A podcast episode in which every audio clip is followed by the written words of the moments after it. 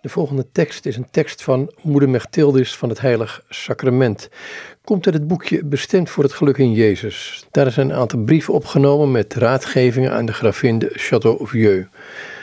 Moeder Mechthildis van het Heilig Sacrament, haar meisjesnaam was Catharine de Bar, leefde in de 17e eeuw, 1614, 1698. Zij schrijft onder andere dit. De ontmoediging komt voort uit een bodem van trots want als de ziel geen verborgen steunpunt in zichzelf had, zou zij nooit ontmoedigd worden.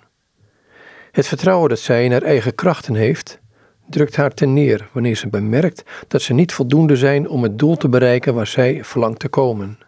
De ziel is altijd onderhevig aan ontmoediging, totdat zij door en door de afgrond van haar ellende, haar niets en haar onmacht heeft leren kennen, en hoe zij is aangewezen op de kracht en de deugd van Jezus Christus totdat zij uit eigen ervaring inziet hoe ze daadwerkelijk afhangt van Zijn genade. En wanneer de ziel deze waarheid heeft onderkend, blijft zij standvastig in haar niets, zich niet verwonderend over haar onmachten, maar zich overlatend aan de macht van Jezus Christus.